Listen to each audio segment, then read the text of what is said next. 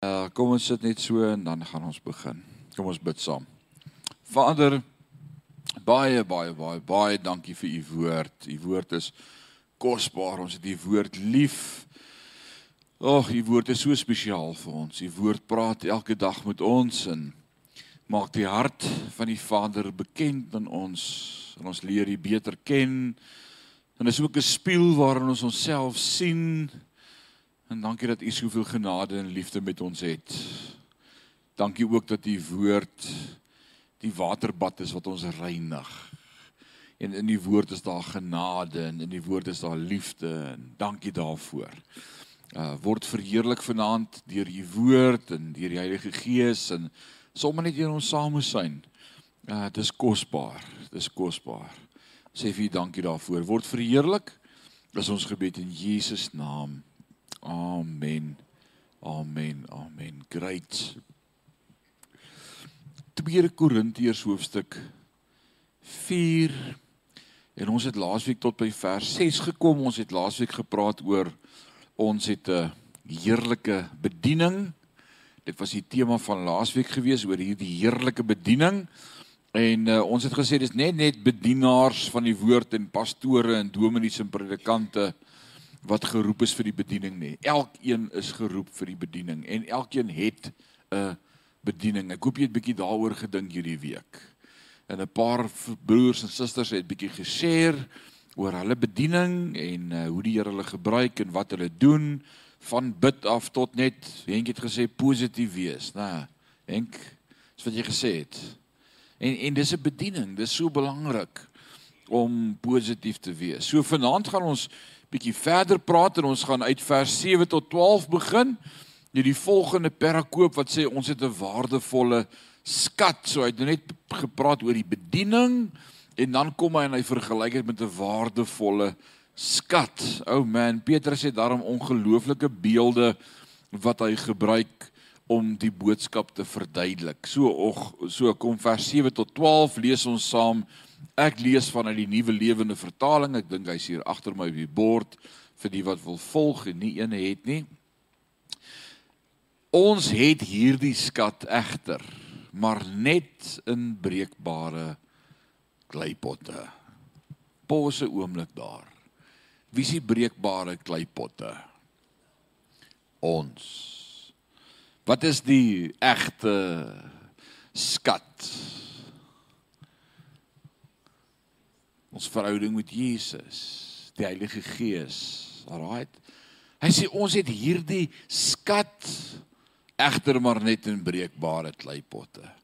Nie alles soort treffende die alom soort alles oortreffende krag kom van God en nie van ons nie. Op elke manier word ons onder druk geplaas. Wie kan sê amen? Dis regtig waar, jy beleef druk op elke aspek, maar Ons is nie verpletter nie.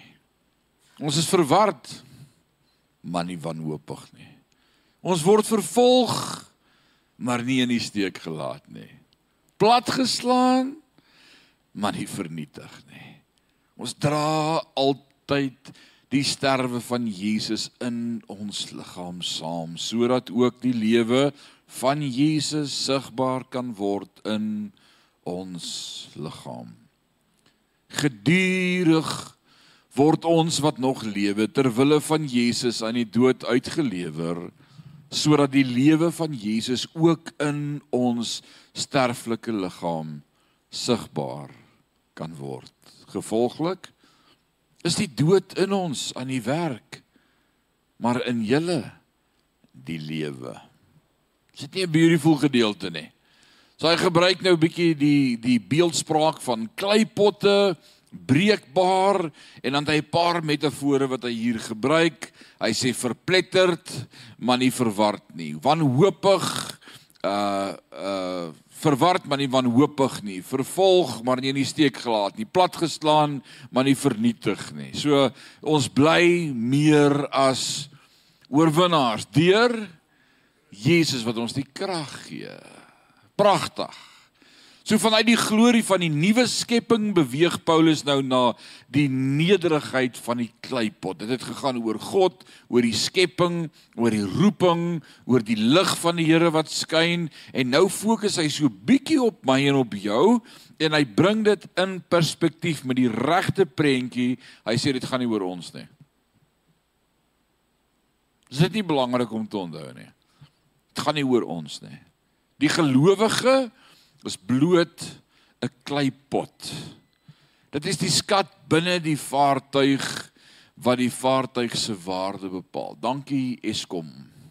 Alraai, ons gaan nou die generator start. Uh dan kan ons hierdie aircons weer aan die gang kry. Hoe stil is dit? Maar die mooiste geluid as 'n generator start. so. Alraait. So die gelowige is bloot die kleipot. Is net die wessel. Is net die voorwerp waarin dit gehuisves word. Dit is die skat binne in die kleipot wat waarde gee aan die kleipot. Is nie die kleipot nie. Kleipot is niks. Nou hierdie tent van my en jou, Paulus leer dit vir ons so mooi. Hy sê hierdie is net die tent, die liggaam waarin ons woon. Maar God se gees woon in my en as ek hierdie liggaam, as ek my laaste asem uitblaas, hierdie liggaam, nê, hulle kan met hom maak net wat hulle wil. Maak nie saak nie. Ek is nie hierdie liggaam nie. Ek bly binne in die liggaam. Right. So die beeld van die vaartuig is 'n herhalende een in die skrifte en ons kan baie lesse daaruit leer. Om te begin het God ons gemaak soos ons is sodat ons die werk kan doen wat hy wil hê ons moet doen. Dit is dis 'n dis 'n topik wat nogal baie eh, in my beradingskantoor opkom as ek met mense praat. Want want ouens fokus dadelik op hulle tekortkominge, op hulle tekorte, op hulle gebreke. Uh die eerste ding wat Moses kwytraak toe God hom roep vir die bediening is ek hakkel. Nou interessant. As jy die boek mooi deurgelees het, wat het God gesê vir Moses toe hy sê hy hakkel? Toe sê wat sê die Here vir hom? Wat se plan gaan ons maak? Hy sê moenie worry nie, ek gaan vir Aaron gee om te praat. Maar nêrens in die Bybel lees ek dat Aaron een keer vir Moses hoef te gepraat het nie. Want kyk toe Moses eers begin praat. Hy het dit so gelike dat hy vir die volk 'n tent opgeslaan het in die woestyn. En dan het hy gesê almal wat met mekaar probleme en geskille en konflik en probleme het, kom na my toe, ek sal soos die regter wees. Dan sal ek julle help om vrede te maak. En hy het die hele dag met almal net gepraat. Hy het gehou van praat. Maar hy het dit as 'n verskoning gebruik toe God hom wil roep.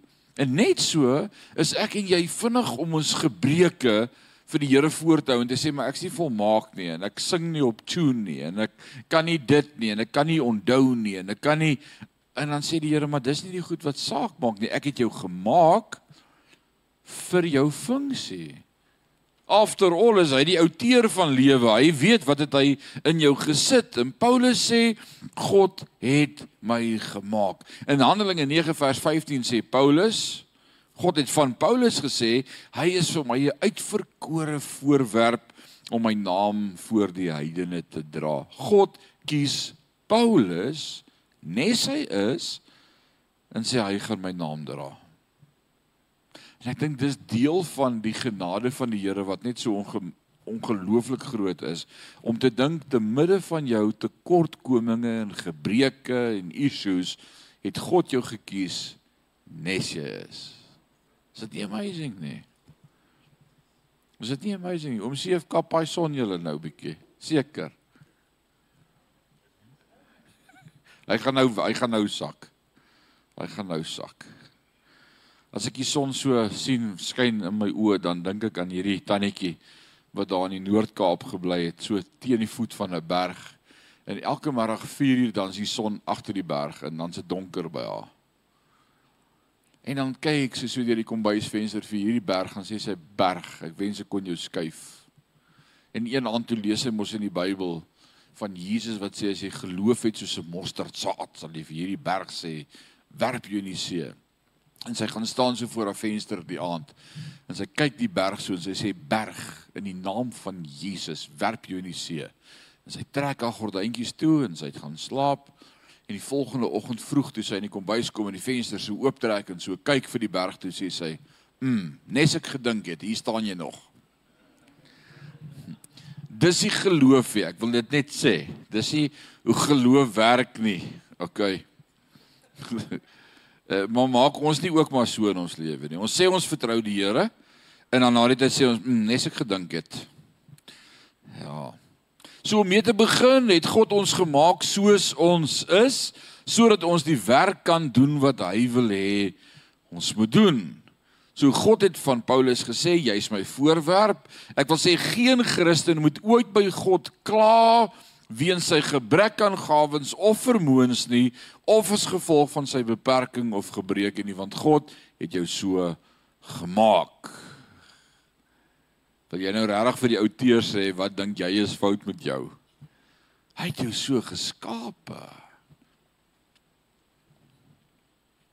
Psalm 139 vers 13 tot 16 dui aan dat ons eie genetiese struktuur in die hande van God is. Elkeen van ons moet homself aanvaar en homself wees. En daar is ongelukkig groot waarheid mense se opinies. Mense is vreeslike goed. Ken julle mense? Kyk in die spieël, né? Hulle is vreeslike goed. En hulle vertel vir jou wat hulle dink. En hulle is opinionated. Hulle het oor elke dingetjie iets te sê. En ons speel en ek gebruik die woord speel en ek sê dit in aanhalingstekens ons speel God oor mense se lewens deur uitsprake wat ons maak en opinies wat ons vel en vir ouens vertel hulle is goed genoeg of hulle is nie goed genoeg nie. Nee, wat jy is net jou pa, hy was so sleg geweest. Hoeveel van ons het as kinders beleef die opinies van familielede of gesinslede of klasmaats wat opinies uitgespreek het oor ons en jy dit begin glo. En dit het jou werklikheid geword en jou realiteit geword van wie jy dink wie jy is. En as ons 'n berading sessie eindig en die eerste ding wat ek vir jou vra, sê vir my wie jy, dan sê vir my alles wat almal gesê het hoe sleg jy is. Dis wie jy geword het. Wel ek het nuus vir jou en ons weet dit in Christus. Dis nie wie ons is nie. Ons is meer as oorwinnaars deur Christus wat ons die krag gee. Ons is na sy beeldnis geformeer. Hy het in ons geblaas die lewe en die Heilige Gees woon in ons. Hy sê ons is die kop en nie die stert nie. Ons is gemaak deur God. Die belangrikste eienskap van die houer. En hier kom dit nou. Wat is die belangrikste eienskap wat ek en jy kan hê en moet hê is om skoon leeg en beskikbaar te wees vir God. Sal Dit kan ek doen. Ek kan werk daaraan, reg of verkeerd. Aan die res kan ek nie baie verander nie. My looks, mm, dis in my gene. Maar my hart skoon hou voor God myself leegmaak voor God, plek maak vir God en beskikbaar wees om te sê as u iets deur my wil doen, doen dit. Hier's ek. Die Here sê wie sal ek stuur en wie sal vir my gaan? En die profeet sê hier is ek. Stuur my. Sal wat God soek. Hy soek iemand om te gebruik. Elkeen van ons moet poog om 'n voorwerp van eer te word, geheilig of afgesonder, volgens 2 Timoteus 2 vers 21 en by een vir die Heer se gebruik en voorberei vir elke goeie werk. Ons moet fokus op die skat en nie die houer nie. En so moet ons in mekaar se lewens baie meer waarde gee aan die skat in iemand se hart en se lewe as die houer waarna dit kom. Dis nog 'n groot waarheid wat ons leer in die lewe en soms te laat. As ek met die jong tieners praat en ek vra vir hulle vertel vir my hoe lyk jou trouman of jou trouvrou, dan gaan 90% van wat hulle sê oor die looks. Sy moet net nie krom tone hê soos my ouma nie en sy moenie en sy moet so lyk en sy moet so lyk en sy moet fiks wees en sy moet nie oorgewig wees nie en sy moet blou oë hê en alle uiterlike dinge. Dis die goed wat geen waarde het nie. En dan mis ons die skat. As ons ons kinders kan leer om te soek vir die skat binne in iemand se hart. En weet jy wat kom ek agter lately en hoe ouer ek word hoe meer besef ek dit in elke mens is daar 'n skat. Het jy dit al ontdek? Het mense al vir jou so belangrik geword dat jy in elkeen ontdek wat is die skat wat in hom is? Is nie niemand kan met daai ou huis hou nie. Dis my challenge. Ek love it.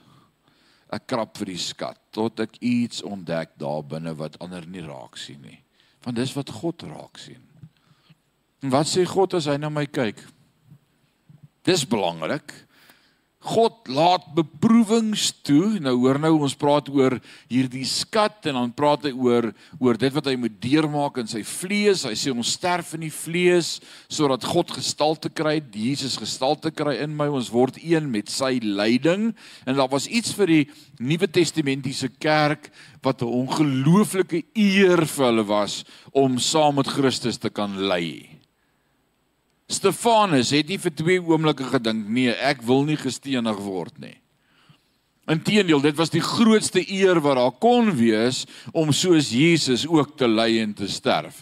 Want ons Jesus wat as voorbeeld vir ons geleef het, het sy lewe gegee sodat ander kan lewe. En as ons voorbeelde doen, hoeveel te meer kan ek my lewe gee sodat ander kan lewe? En dis hoekom toe Stefanus begin preek en hy sien hierdie manne word kwaad het hy nie opgehou en weggehardloop nie. Inteendeel hy het aangehou om te preek. Toe bind hulle hom vas aan daai paal en hulle stenig hom en dan fokus hy op God. Hy fokus op Christus. Hy fokus nie op sy krisis en sy storm nie. Hy kyk op en dan sê die woord vir ons in Handelinge en hy het Jesus sien staan aan die regterhand van God die Vader dis die moeite werd. So wat 'n skat is in jou, né? God word ook deur swak houers verheerlik. Dis juis Paulus sê juis dis wanneer ek swak is dat ek sterk is. Want in my swakheid maak ek meer staat op hom. Dis ons is ons leef in 'n generasie waar almal net die sterkste en die beste en die fikste en die alles te moet wees, da. Maar weet jy wat, hierdie houer maak nie saak nie. Dis wat binne is. Jy Hudson Taylor, wie van julle het al van sy boeke gelees? Dit was my voorreg om 'n paar van sy boeke op my rak te hê wat ek by Dok Horak geërf het. Uh en hy die sendeling wat die binneland van China oopgemaak het vir die evangelie want hy was 'n sendeling wat in China verskriklike voetwerk gedoen het vir die evangelie en hy het altyd gesê al God al God se reëse was swak manne wat groot dinge vir God gedoen het omdat hulle gereken het dat hy by hulle was al die reuse in die wat ons na kyk in die geestesdimensie. Uh enige reus, groot evangeliste en en groot predikers. Hudson Taylor sê al God se reuse is eintlik maar swak manne wat groot dinge vir God kom doen omdat hulle gereken het God is by hulle. Dis net wanneer ek reken ek is swak maar God is daarin by my wat ek eintlik 'n reus is want dan steur ek my nie aan die res nie. Ek weet ek is swak, maar God is by my. 'n Magtige held wat verlossing skenk, sê die engel vir Gideon. God is by jou. Is dit nie genoeg om te weet vanaand God is by jou nie? Da dis die ultimate. En lyding openbaar nie net die swakheid van mense nie, maar ook die heerlikheid van God. Dit gaan oor Christus. En Paulus het 'n reeks paradokse in hierdie paragraaf voorgehou. Erdekryke krag van God. Sterwe van Jesus, die lewe van Jesus. Om te sterf, om te leef. Die natuurlike verstand kan nie hierdie soort geestelike waarhede verstaan nie en kan dus nie verstaan waarom Christene oor lyding moet triomfeer nie. Hoekom moet Christene ly? Why suffering? Hoekom suffering? Jy weet mos dis die drie ringe van die van, van die huwelik, né? Dis mos die engagement ring, wedding ring, suffering. Wanneer okay, goed. Skus, ek's nie nou by troue nie. Ehm uh, ons moet fokus op die skat en nie die houer nie. Dr John Henry Jowett het gesê bediening wat niks kos nie kan niks bereik nie. There's a sacrifice in ministry. A ministry without sacrifice that doesn't cost anything won't accomplish anything. But if you if it costs you something, it will accomplish. Warren Wiersbe, een van die een van die wonderlike teoloë van die 1900s Hy en 'n pastoor vriend, ek lees in sy boek, hy sê hy en 'n vriend van hom het eenmal na 'n jong opkomende predikant gaan luister in 'n tentdiens. Hy sê nadat hulle daardie aand van die tentdiens al wegry, kyk hulle vir mekaar en hy sê vir sy vriend, "Hey, iets het gekort vanaand." Dit was 'n oukei woord en 'n great skrif wat hy gebruik het, maar daar het iets gekort vanaand. Toe antwoord die vriend hom, "Ja, en dit sal nie daar wees voordat God hom nie eers gebreek het nie. Nadat hy eers 'n rukkie gelei het, sal hy 'n boodskap hê wat die moeite werd sal wees om na te luister. Dit is maklik om te preek vanuit die hoogte en jy het geen aanslag beleef nie en geen krisis in die oë gestaar nie, geen oorwinnings behaal nie. Waarvan preek jy dan? Wat Paulus sê, in my lyding. Ah, ek het een geword met Christus. Ek hoe luister jy na iemand wat sê, "Man, trust my, alles werk mee ten goeie." Maar hy het nog nie eendag so ongeluk in sy lewe in die oog gekyk nie. Of 'n man soos Paulus en hy luister dit vir ons in Korintiërs as hy sê skibreek gelei, gestenig, vir dood gelos, in kookolie gedoop, uh 'n paar keer amper verdrink, 'n paar keer 40 houe pak slaag gegee. Hy het in alle opsigte gelei. Hy was naak, hy was honger, hy het gevaar in die oë gekyk en dan sê hy in Romeine 8:28 maar na al hierdie dinge soos meer as oorwinnaars. Wil jy ek kan na so ou luister? En dan kyk ons na onsself in die spieël en ons sien ons tekortkominge en ons dink dit elimineer ons vir die bediening. Inteendeel, dis wat maak dat God jou kan gebruik. Dis juis jou tekortkominge en jou swakheid en jou gebreke en jou menswees, dis wat God soek. Want dis waarmee die buurman kan assosieer. Hy soek nie 'n superheilige geestelike superheld wat langs hom bly wat vir hom vertel alles gaan net goed wees nê. Nee. Hy soek iemand wat ook al iemand aan die dood afgestaan het en ook weet van honger wees en ook weet van 'n krisisse beleef, maar wat 'n getuienis het wat sê in alles is God by my. Dis ons getuienis. En soms kyk ons na ons eie lewe en dink, "Sjoe, ek het nie 'n getuienis nie." Ouens, if you made it so far, you've got a testimony kyk vir jou getuienis. Kyk na jou getuienis. Hoe kan ons keer om moed op te gee? Wat kan ons help om nie moed op te gee nie? En kom ons kyk uit vers 13 tot vers 18 en ek gaan hierdie paar verse vanaand vir ons lees en dan gaan ons hier uit 'n paar punte haal vanaand wat sê hoekom kan ons nie moed opgee nie? Het jy al gehoor ouens voel moedeloos? Wie van julle het al moedeloos gevoel? Alraight. Nou jy is dalk moedeloos, maar jy is nie hopeloos nie. Jy moet net nie hopeloos voel nie. Want ons het 'n ewige hoop. Wie is ons ewige hoop? Jesus Christus. Moedeloos. Ons praat van moed verlore se vlakte. Ons het allerlei woorde wat ons gebruik vir dit, né? Ek voel moedeloos. Maar jy is nie hopeloos nie. So kom ons kyk uit hierdie deel vers 13 tot 18.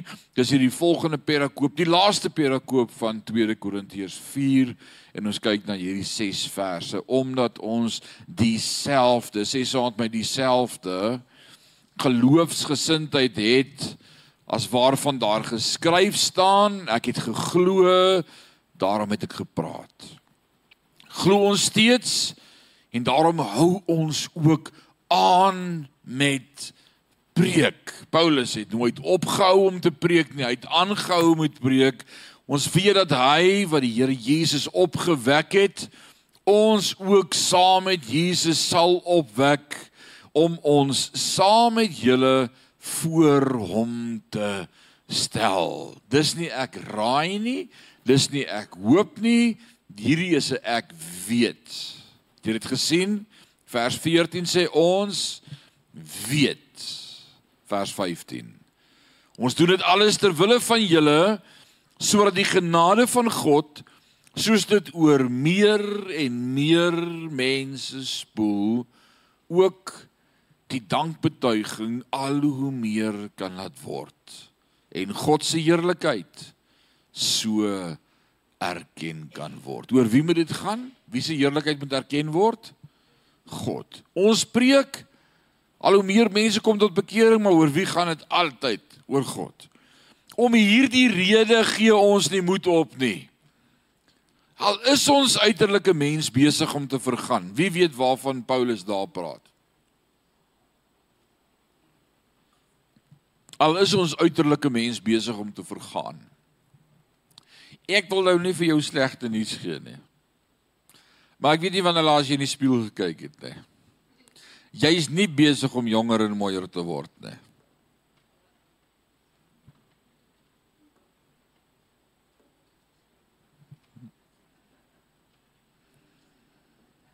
Die plooie is nie besig om weg te gaan nie. Hulle kom nou eers. Die pyne word nie minder nie. Spotbos dan sê ons die dag as jy wakker word en jy nie meer pyn dan weet jy is in die hemel. Nee. Die lyf is besig om te vergaan. Skielik toe ek 50 word, toe ek weet nie wat's die goed nie, toe ek dit nodig, anders kan ek nie sien nie. En my vrou sê ek is doof. Maar ek dink nie ek's doof nie, want as net as sy praat wat ek niks kan hoor nie. Kan al die ander goed hoor. Ek dink sy's aspirus, sy praat net saggies met my. Die lyf is besig om te sterwe. En dis die gevolg van die sondeval. Dit moet so wees. God leer ons die gevolg van die sonde, die loon van die sonde is nie dood. Jy gaan nie vir ewig lewe nie. Ek wil byvoeg, ek wil nie vir ewig lewe nie.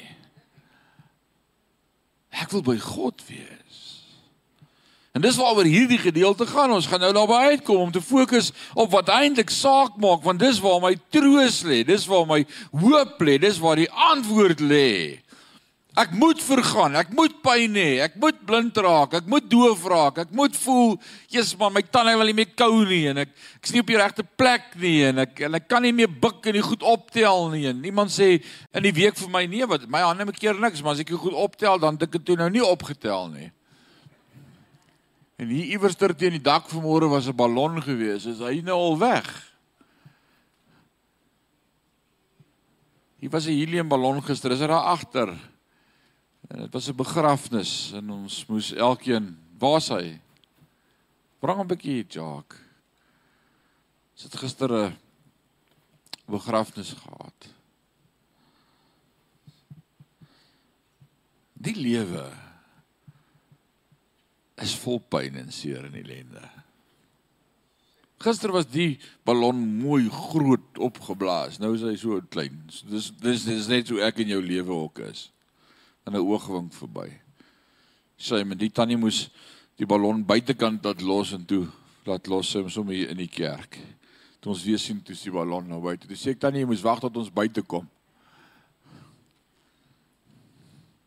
Die paradokse van die lewe. Dis oomblikke soos gister wanneer ek saam met 'n familie moet sit wat deur pyn gaan, die hartseer om 'n babatjie op 36 weke te verloor in die baarmoeder. So uitgesien na die geboorte en die koms van hulle eerste kind. En in 'n kwessie van 'n uur moes hulle besluit wat gaan ons met die kind doen? Hierdie lewe is nie ons huis nie. Dis die goed wat as ons op voorspoed bou en ons bou net op geluk en ons bou net op sukses en ons bou net op gesondheid en hierdie goed gebeur dan sê emmer onder jou uit dan dan staan jy nie meer op jou voete nie. Maar die goed sê vir ons hierdie is nie julle plek nie.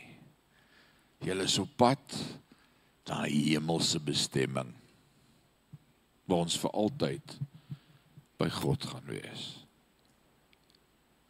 die lewe is so so hartseer en so vol paradokse. En dit is vir my soms so moeilik om my hart bymekaar te hou. Ek het vrydag getroue gehad. Mense is opgewonde oor huwelik. Mense kan vir hulle sê just get over it. Nee. Right ek gaan nou nie hulle bubble bars nie. Hulle gaan dit self agterkom gisteroggend die hartseer en die trane en die pyn van die verlies van lewe. En net 4 ure later gistermiddag weer 'n troue. Dit word geselebreer en ons is bly en dan staan ek op die troue en kyk na die bruid wat inkom. En ek dink wat gaan julle doen as pyn aan julle deur klop en dit gaan en is ellende in julle deur klop en dit gaan al wat ons het om aan vas te hou is Jesus Christus. Dis dit, dis al.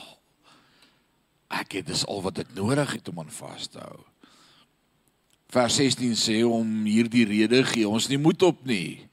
Al is ons uiterlike mens besig om te vergaan, innerlik word ons van dag tot dag vernuwe. Ons swaar kry, ons swaar kry op die oomblik is gering en tydelik jy moet jouself daarin herinner, nê, dat dit gering is en tydelik. Ons vertel vir onsself is die ergste en dit gaan vir altyd aanhou. Nee, dis gering en tydelik, maar dit bewerk vir ons 'n heerlikheid wat alles alles verweg oortref en vir altyd vas sal staan. Ons swaar kry op die oomblik is gering en tydelik, maar dit bewerk vir ons 'n heerlikheid wat alles verreweg oortref en vir altyd vas sal staan. Hierdie is 'n skrif wat jy elke dag vir jouself kan quote. Hierdie is 'n skrif wat jy in die yskas kan plak. Ek is nie 'n voorstander van skriffies in die yskas nie. Maar hierdie hierdie hierdie is 'n geestelike reus. Hier's hy. Ons swaar kry op die oomblik is gering en tydelik. Maar dit bewerk vir ons 'n heerlikheid wat alles verre weg oortref en vir altyd vas sal staan. Ons oog is nie op die sigbare dinge gerig nie. Maar op die onsigbare. Want die sigbare dinge is tydelik, maar die onsigbare vir altyd. Paulus het nie na 'n spesifieke gawe van geloof verwys in vers 9 nie. Maar eerder na hierdie geloofsgesindheid wat elke dag in die gelowige behoort te wees. Hy het homself geïdentifiseer met die gelowige wat Psalm 116 vers 10 beskryf het. Psalm 116 sê ek het geglo en daarom het ek gespreek. Ek wil sê ware getuienis vir God is gebaseer op geloof in God En hierdie geloof kom uit God se woord. Die woord sê, die geloof kom deur die gehoor en die gehoor deur die woord van God. Wat glo ek? Ek glo wat die woord sê. Waarvan was Paulus so vol vertroue dat hy niks gehad het om vir hierdie lewe te vrees nie. Hy was nie bang vir die lewe of vir dood nie. Niks. Iemand het eendag vir my gesê jy moet net dom genoeg wees om aan te hou. Ons is baie keer te slim. Ons wil dit uitredeneer. Ons wil die wiskundige berekening doen en sê Jesus nee, ek weet nie of ek dit gaan maak nie. Wees net dom genoeg en hou net aan. Jy gaan dit maak. Hy het pas van sy beproewings gelys wat deel was van sy lewe en sy bediening en nou het hy bevestig dat sy geloof hom die oorwinning oor alles laat gee het. So let op die verskillende versekeringe wat hy gehad het van wie sy geloof en ek gaan vir ons 4 5 5 hier uit lig uit hierdie paar verse uit. Vers 14, vers 15, 16 en 17 en 18. Kom ons lees hulle. Vers 14 Hy was seker van uiteindelike oorwinning. Paulus was seker dat ons op die einde gaan oorwin. Wie saam met Paulus seker daarvan sê amen. Hier's 'n paar wat lyk dit vir my twyfel. Ouens, ons gaan oorwin.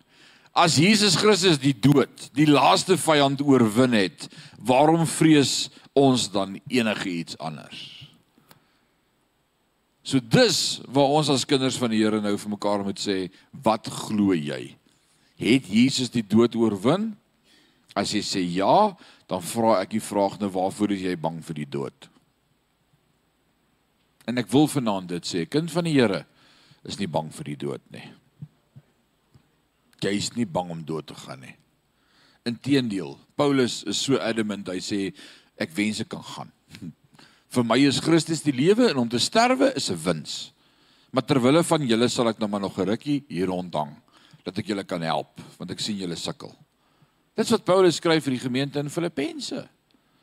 Sy hart is om die Here te wees. Mense doen alles wat hulle kan om die betekenis van die dood binne te dring en daarvoor voor te berei, maar tog het die wêreld geen antwoord op die dood nie. Die wêreld het nie 'n teenvoeter vir dood nie. Totdat 'n persoon bereid is om te sterf, is hy nie regtig bereid om te lewe nie. Jy is eers bereid om te lewe as jy bereid is om te sterf vir iets. Dis 'n paradoks. Dink gou aan die woorde van Jesus. Jesus sê as iemand sy lewe mm, liefhet, ja, nee, hy gaan dit verloor.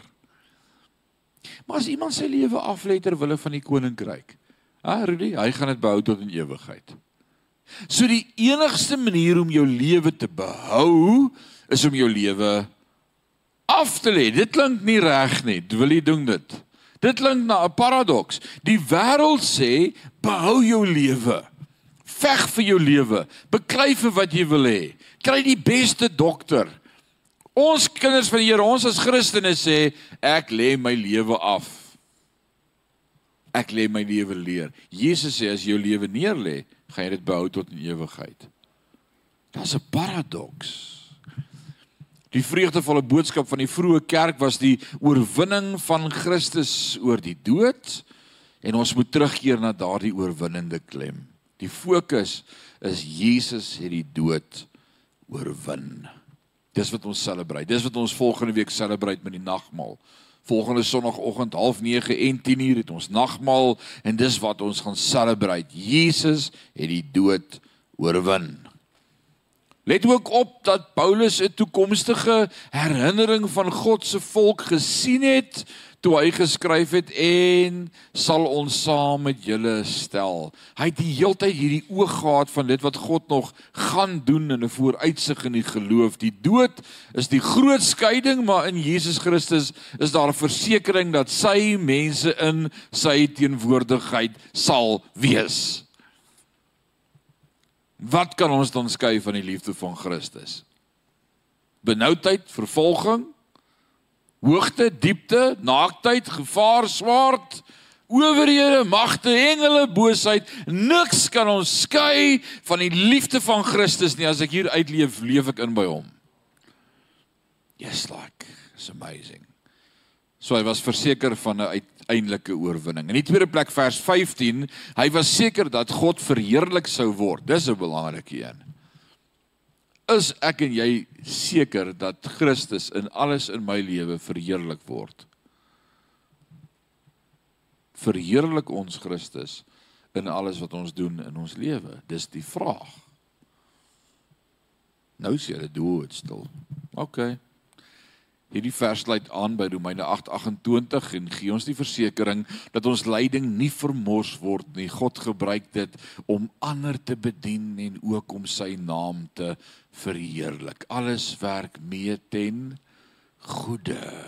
Hoe word God in ons beproewing verheerlik? Hoe word God deur my krisis verheerlik? Deur aan ons die oorvloedige genade te gee, moet ons vreugde en krag behou wanneer dit moeilik raak. Dis juis waar my hoop lê. Wanneer die skrif selfs aan die muur is en ek my vrou se hand vashou en vas sê ons gaan oukei okay wees. Die bure kan afluister by die venster en sê hy's mal. Maar in my hart is daar geloof, onwrikbare geloof dat God sal doen wat hy wil doen. Man, is amazing.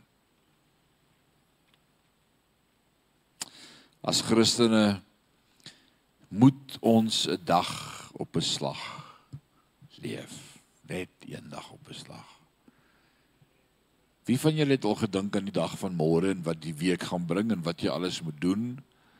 Jou beplanningslysie ingevul, nik. hey, en alles waar jy by moet uitkom.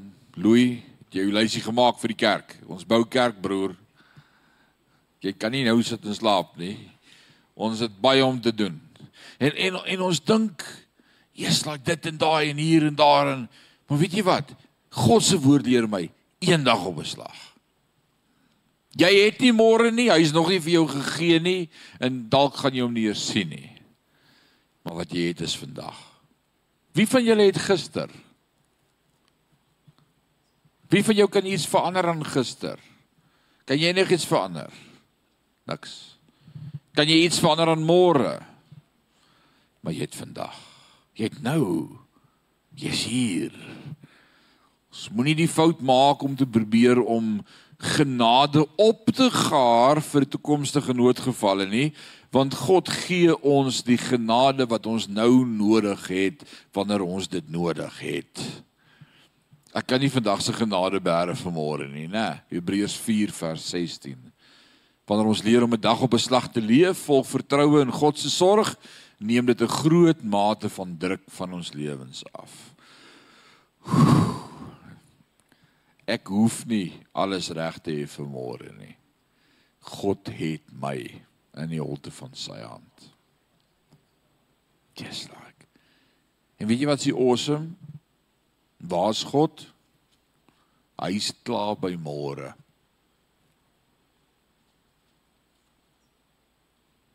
Jy al oor gedink?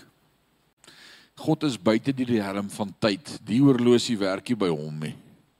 Hy staan aan die ander kant, die dimensie van tyd. En hy kyk so na my lewe en hy sê ja, nee, ek's gister, vandag en môre dieselfde. Nee, ek kan nie verander nie. En hy praat oor my dag van môre en hy sê nee, wat ek's met jou. Ek gaan jou hê al die dae van jou lewe tot aan die volëinding. Ja, nee, ek het jou tot aan die volëinding van tyd. Want hy slaap daar. Ek sit by vandag, die 26ste November. Ek sukkel om te sien wat môre gaan bring. Ek weet nie wat môre bring nie. Hy's klaar daar en hy sê ek het jou Willie, moenie worry nie. Ek wag vir jou. As ons so begin dink oor God se genade, is dit amazing. Hy gaan nie saam met jou môre te genoet en uit te gemoed en uitfigure wat gaan aan en ons sal 'n plan maak as ons daar kom. Partykeer sê ons mos mekaar, moenie worry nie as ons daar kom sal ons dit saam face. God is klaar daar. En hy kyk terug en hy sê Nee, ek het jou. Ek is met jou al die dae van jou lewe. In vers 18 sien ons hy was seker die onsigbare werklikheid van die wêreld. Paulus sê ek is seker die onsigbare wêreld is 'n werklikheid. Waar's die onsigbare wêreld? Wie van julle het al die hemel gesien? Laat ek gou julle hande sien. Niemand nie. Hoe weet julle die hemel is 'n werklikheid? Die woord sê so. En omdat die woord so sê, glo ek dit. En omdat ek dit glo, gaan dit vir my waar word, want die woord sê so. Paulus was seker dat hy dit gaan maak want hy het gesê dit wat gaan gebeur die onsigbare wêreld is 'n werklikheid. Dr. A.W. Tozer herinner ons dat die onsigbare wêreld wat in die Bybel beskryf word die enigste regte wêreld is. Dink gou daaroor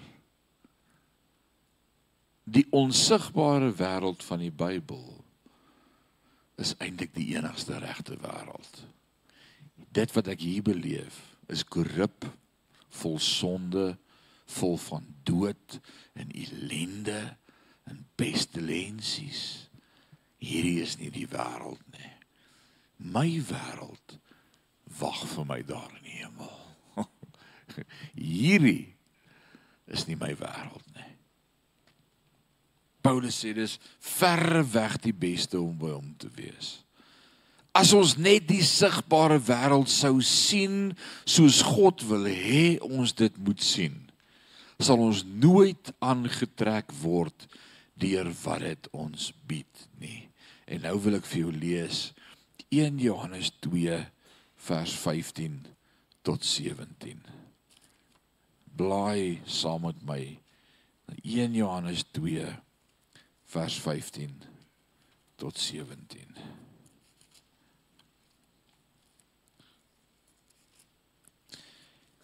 In Petrus 2 Petrus 1 Johannes 2 Johannes 1 Johannes 2 vers 15 tot 17 sê die volgende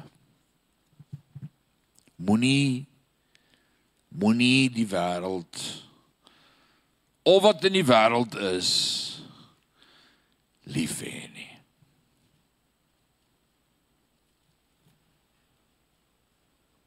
My ma moes dit vir my geleer het vroeër in my lewe. Dis die belangrike goed wat ek en jy moet weet en vir ons kinders moet leer. Moenie die wêreld of wat in die wêreld is lief hê nie as iemand die wêreld liefhet, is die liefde van die Vader nie in hom nie. Want alles in die wêreld, die liggaamlike begeerte, die begeerte na dit wat die oë sien, aanstellery op grond van besittings.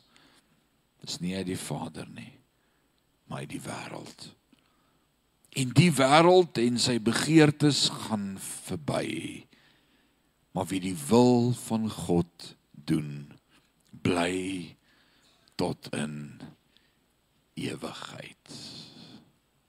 Man, dit bring 'n bietjie konteks. En die groot manne en vroue van geloof wat in Hebreërs 11 vir ons opgenoem word, het bereik wat hulle gedoen het oor een rede, hulle die onsigbare gesien asof dit reeds 'n werklikheid is. Dit dis geloof. Geloof is 'n vaste vertroue op die dinge wat ons hoop, 'n bewys van die dinge wat ons nie sien nie. Hebreërs 11:1 vers 6 want hy wat na God gaan, moet glo dat hy is en 'n waarmaker van die wat hom soek. Hy hy is. Hy is. Hy's 'n werklikheid. Die dinge van hierdie wêreld lyk so werklik omdat ons dit kan sien en kan voel maar hulle is almal tydelik en bestem om verby te gaan. Net die ewige dinge van die geestelike lewe sal vir altyd bly. Weereens moet ons nie hierdie waarheid tot uiterstes druk en dink dat materiële en geestelike dinge teen mekaar staan nie. Ons wil dit baie keer dink. Dis of materieel of geestelik. Jy kan nie nee, nee, kom ek help jou reg. Wanneer ons die materiële in God se wil gebruik, verander hy dit in geestelike dinge en dit word deel van ons skat in die hemel wanneer ek die materiële dinge aanwend vir die koninkryk, word dit geestelike dinge en dit bewerk vir my 'n ewige skat by God. Ons gaan later in 2 Korintiërs 8 en 2 Korintiërs 9 gaan ons lekker daaroor praat. Ons waardeer die materiële omdat dit gebruik kan word om die geestelike te bevorder en nie vir wat dit op sigself is nie. Dis net 'n tool om ons te help in ons geestelike roeping. Hoe kan jy na dinge kyk wat onsigbaar is? Hoe sien jy onsigbare dinge? Tannie Rini, wat sê jy? Tannie Rita, wat sê jy? Hoe sien 'n mens onsigbare dinge?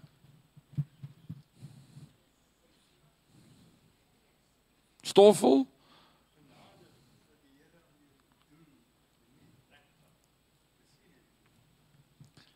OK.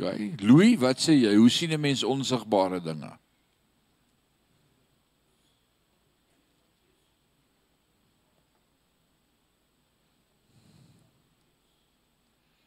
Monica, wat sê jy? Sê harder. Kom aan jy skryf vir Eugene by die huis nou praat jy so saggie met die kerk.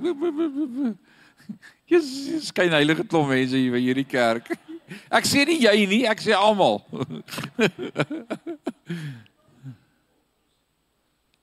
Geloof. Hebreërs 11 sê geloof dan is 'n vaste vertroue op die dinge wat ons hoop, 'n bewys van die dinge wat ons nie sien nie. Hoe sien ons dan die onsigbare? Deur die geloof. Deur die geloof. Ek staan by 'n man se bed waar ek vir hom bid en hy's besig om te sterf. En iewers in my hart sê die Here vir my gaan gesond wees. Yes like. It's amazing. En ek glo dit en ek bid vir hom. En hy sterf daai aand. En ek praat met die Here en sê Here, maar U dan gesê hy gaan gesond wees. En die Here sê as jy deur die geloof gekyk het, sou jy sien hy's by my en hy maak niks. Hy's gesond ek het hom gesond gemaak. Jy sien ons kyk in terme van die hier materiële, die tydelike, die verbygaande. God sê ek is die een van die dimensie van die ewige, die onsigbare, die onsterflike alleen wyse God. Ah, ons is in 'n hy's in 'n ander riem. Deur geloof wanneer jy die woord van God lees, sien jy die onsigbare dinge. Yes, like Dis amazing die woord van God. Ons het nog nooit Christus of die hemel gesien nie. En tog weet ons dat hulle werklik is omdat God se woord dit vir my en vir jou sê. En as die amazingste wanneer ek dit lees, dat God se Heilige Gees dit in my hart wakker maak. Daai gevoel wat jy kry en sê, "Wow, ek kan nie wag nie." Geloof is die bewys van die dinge wat ons nie sien nie. Omdat Abraham na die hemelse stad gesoek het, het hy van Sodom af weggetrek. Hy het gesê ek soek nie hierdie goed nie, ek soek die ewige goed, die hemelse goed. Toe God sê trek, toe sê hy ek trek. En Lot Lot Lot wou nie trek Lot se oë was gefokus op die hierdie. En selfs toe God hom in 'n hoek druk en sê nou trek jy het ou Lot se vroutjie omgekyk en nog net eenmal kyk. Wat was so mooi dat sy net nog eenmal wou kyk? Hæ? Hulle het nie met die gees gesien wat vorentoe lê nie. Hulle wou terugkyk. Oppas dat ons nie so vasgevang word in wat hier op hierdie wêreld is dat jy nog net nog eenmal wil kyk nie. Maar sien jy die geloof en wandel deur die geloof. Natuurlik dink die ongeredde dat ons as Christene vreemd en miskien selfs malerig is omdat ons aandring op die werklikheid van die onsigbare dinge in 'n geestesdimensie. En as jy met iemand begin praat wat nie gelowig is nie en nie glo in God nie, en jy vertel vir hom van die hemelse stad en van 'n ewigheid saam met God en selfs van 'n 1000 jaar vrederyk en van Armageddon en halstene van 'n voet by 'n voet by 'n voet wat gaan neerreel dan dink hy jy is gepik. Nie lekker nie. Dis omdat ons nie let op hierdie tydelike nie maar op die ewige. En tog is Christene tevrede om hulle lewens te beheer deur ewige waardes en nie tydelike pryse nie Paulus sê hardloop die wedloop dan so dat jy die wenstreep gaan haal en die ewige prys, die ewige loon van die koninkryk mag beerwe. Ja, dis awesome. Great, dit was 2 Korintiërs hoofstuk 4 in 'n nutshell. Right. Ouens, ons het ver gekom die jaar of het ons nie? Uh ek love woordskool. Ek love dit om saam met julle in God se woord te delf en te sien en te leer. En uh, ek is baie opgewonde oor die nuwe jaar dat die Here ons regtig gaan bless. Uh solank as wat hy vertoef om ons te kom haal om by hom te wees. En mag hierdie vakansietyd wat voorlê, Desember, tyd wees wat jy net sommer refresh uh en restored en quickened en sommer net die lewe van die Here gaan beleef en ervaar. Bly in die woord. Bly in die woord. Staan by jou langs jou en sê vir hom bly in die woord. Bly in die woord. Right. Vir wie lag jy, Monica? Is daar al iemand langs hom nie? Ek sal hom nou kom stamp, moenie worry nie. Right. Kom ons bid saam. Kom ons bid saam. Vader, ons sê vir U dankie vir U woord. U woord is kosbaar en dankie dat U die Heilige Gees die woord vir ons oopbreek. Dankie vir wat ons kon leer. Uh ek bid dat ons elke week as ons huis toe gaan dit weer sal herdenk en bedink en neerskryf en mediteer. Die woord sê mediteer op die dag, op die woord van die Here dag en nag. En my gebed is dat ons hierdie woord sal deel maak van ons lewe. Uh Vader, ons wil bid vir hierdie vakansietyd wat voorlê en dat U ons sal seën, die wat op vakansie gaan en gaan ry en reis, dat U met hulle sal wees en gee ons genade en uh, wanneer ons terugkom, Vader, dat ons vol energie sal terugkom reg om vir die koning te werk. Uh aan U al die lof en al die eer is ons gebed in Jesus naam en sê ons sê amen en amen